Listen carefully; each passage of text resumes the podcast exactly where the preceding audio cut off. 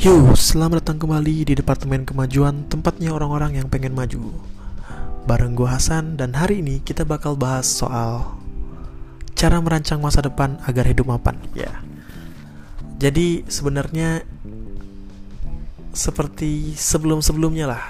Gitu. Saya ingatkan kembali bahwa apa yang saya sampaikan di sini tentu saja bukan pengalaman pribadi karena gue juga masih kuliah. Ya kuliah di semester akhir dan persiapan sidang mohon doain teman-teman biar gue lancar. Oke jadi ini gue baca salah satu buku yang judulnya sesuai dengan judul kita yakni cara merancang masa depan agar hidup papan. Dan hari ini gue lebih apa ya lebih prepare untuk bahas soal faktor-faktor yang mempengaruhi masa depan kita. Seenggaknya itu ada empat faktor teman-teman yang mempengaruhi masa depan kita. Yang pertama adalah, ayo apa? sorry sorry bercanda. Jadi yang pertama itu adalah faktor lingkungan. Ya lingkungan. Lingkungan kayak gimana bang? Lingkungan pohon, rumput, sungai bersih? Enggak, bukan kayak gitu bukan itu doang sih tapi itu juga termasuk sebenarnya. Tapi kita bahasnya lebih kayak self improvement gitu ya. Jadi kayak lingkungan sekitar kita di mana lingkungan sosial. Kita itu untuk sukses perlu lingkungan yang mendukung kita. Lingkungan seperti apa? Semisal kayak gini teman-teman. Kita gue kasih contoh dekat lah. Gue misalkan pengen jadi seorang engineer. Engineer yang handal lah ibarat katanya untuk mencapai tujuan gue, untuk mencapai goals gue, tentu gue harus mengelilingi diri gue dengan orang-orang atau dengan kegiatan-kegiatan yang merujuk gue kepada tujuan gue tadi. Semisal gue ikut seminar, gue ikut pelatihan, ya kan? Entah mungkin gue ikut diskusi-diskusi yang berkaitan dengan engineer makanya mungkin teman-teman bilang waduh lingkungan gue nggak ngedukung gue nih dengan tujuan gue buat. Lingkungan tuh bisa diciptakan teman-teman. Jadi lingkungan tuh nggak kalian terima tapi kalian ciptakan. Kumpul dengan orang-orang yang sejalan kumpul dengan orang-orang yang sepisi dan misi. Berkenalan dengan orang-orang yang ahli. Maka terbentuklah lingkungan yang mendukung kalian atau merujuk kalian kepada tujuan kalian tadi. Makanya lingkungan sangat mempengaruhi kesuksesan kita. Yang kedua itu adalah lima teman terdekat.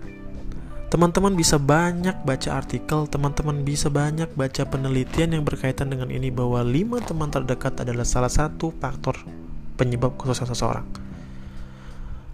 Percaya nggak percaya bahwa dalam pertemanan itu cuma dua hal, mempengaruhi atau dipengaruhi. Dan cara mudahnya adalah kita dipengaruhi dengan tentu kalau misalnya kita ingin dipengaruhi kita harus mengelilingi diri kita dengan orang-orang yang positif dengan orang-orang yang punya visi dan misi seperti yang saya bilang tadi. Untuk itu menurut gua ketika kita udah dewasa atau mungkin ada juga pendengar gua yang masih SMA karena gua lihat statistiknya ada pendengar gue yang 17 sampai berapa? 20 tahun dan yang paling banyak memang yang di umuran 18 sampai 25 tahun di mana life quarter crisis lah gitu. Quarter life crisis I'm so sorry.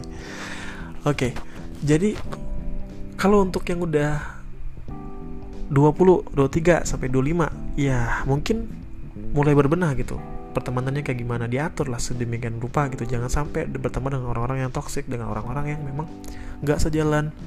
Yang ketika kita bermimpi pun dia kayak ketawa gitu bukan mendukung. Nah itu udah nggak bener gitu.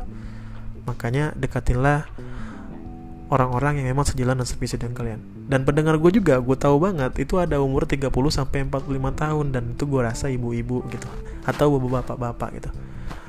Dan kalau misalkan dilihat dari umur mungkin gue lebih muda dari pendengar gue ini.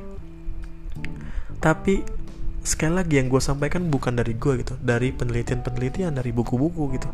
Jadi tidak ada salahnya mungkin sedikit mendengarkan advice dari gue saran dari gue bahwa ya kalau misalkan punya anak ya lihat-lihat lagi pergaulan dia atur banget gitu karena ya itu tadi gitu pengaruhnya ya kalau misalkan emang yakin kalau anaknya bisa mempengaruhi yang lain agar menjadi lebih positif ya nggak apa-apa tapi kan kita pasti mau ngambil aman dengan artian kita membatasi diri kita dengan pergaulan-pergaulan yang sia-sia gitu Oke, setelah lima, lima teman terdekat apa lagi? Selanjutnya itu adalah impian. Setiap orang harus punya impian. Impian itu kan semacam goals ya, semacam tujuan hidup. Ketika orang tidak punya impian, maka dia tidak punya tujuan hidup. Dan hidup bakal hambar karena memang mereka tidak ada tujuan. Memang tujuan itu bakal tercapai dan kita juga bakal apa ya? Yang dari gue baca banyaklah buku sedikit filosofis ketika tujuan kita tercapai ya maka udah setelah, ketika kita berada di puncak maka hambarlah di puncak itu makanya kita terus harus punya impian dan banyak mungkin apa motivator-motivator yang bilang bahwa bermimpilah setinggi langit walaupun kalian akan jatuh kalian akan jatuh di awan-awan yang empuk dan ini menurut gue masuk akal gitu. Karena ketika kita masang target untuk capai untuk mencapai misalkan kita lari aja deh kita mencap kita punya target 12 km nggak mungkin kita berhenti di 2 km dong. Karena itu makin jauh jauh banget gitu. Pasti seenggaknya kita berhenti mungkin mau berhentinya itu di 6 km dan ketika kita stop di situ itu udah pencapaian yang lumayan jauh daripada kita nggak berlari sama sekali atau cuma satu kilo doang. Iya kan? Makanya penting banget impian tuh ada gitu. Dan di buku cara merancang masa depan itu malah yang lebih ekstrim dilakukan oleh penulis adalah dia mendambung impiannya. Jadi ditulis impiannya itu teman-teman ditulis. Setelah ditulis itu dimasukin ke celengan. Setiap tahun dibuka apa impian yang sudah tercapai apa yang belum. Dan amazingnya kata si penulis bahwa apa yang ditulis rata-rata tercapai. Karena apa? Menurut gue itu pertama karena disuges ya kan sama impian dia sendiri. Yang kedua memang mungkin alam pun semesta pun mengabulkan gitu apa yang dia ingin karena dia bersungguh-sungguh gitu kan. Apalagi ketika kita punya impian kita punya tujuan. Akhirnya kita bersungguh-sungguh juga lah untuk mencapai. Terus yang terakhir nggak berhenti hentinya gue bilang bahwa faktor kesuksesan adalah buku bacaan kemarin kita udah bahas pentingnya baca buku gue juga udah kasih contoh siapa orang-orang yang berhasil dengan membaca buku. Gimana ketekunan dia dalam membaca buku.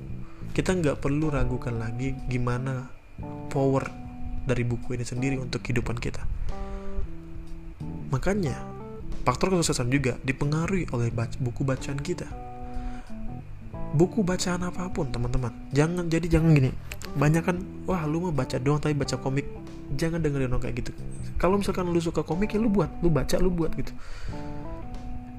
jadi jangan sampai kita tuh apa terhenti karena omongan orang lain kalau suka baca buku buku apa pun saya bilang sekali lagi buku apa pun dibaca Warren Buffett suka investasi dia baca buku investasi dia baca buku laporan keuangan teman-teman suka apa ya baca bukunya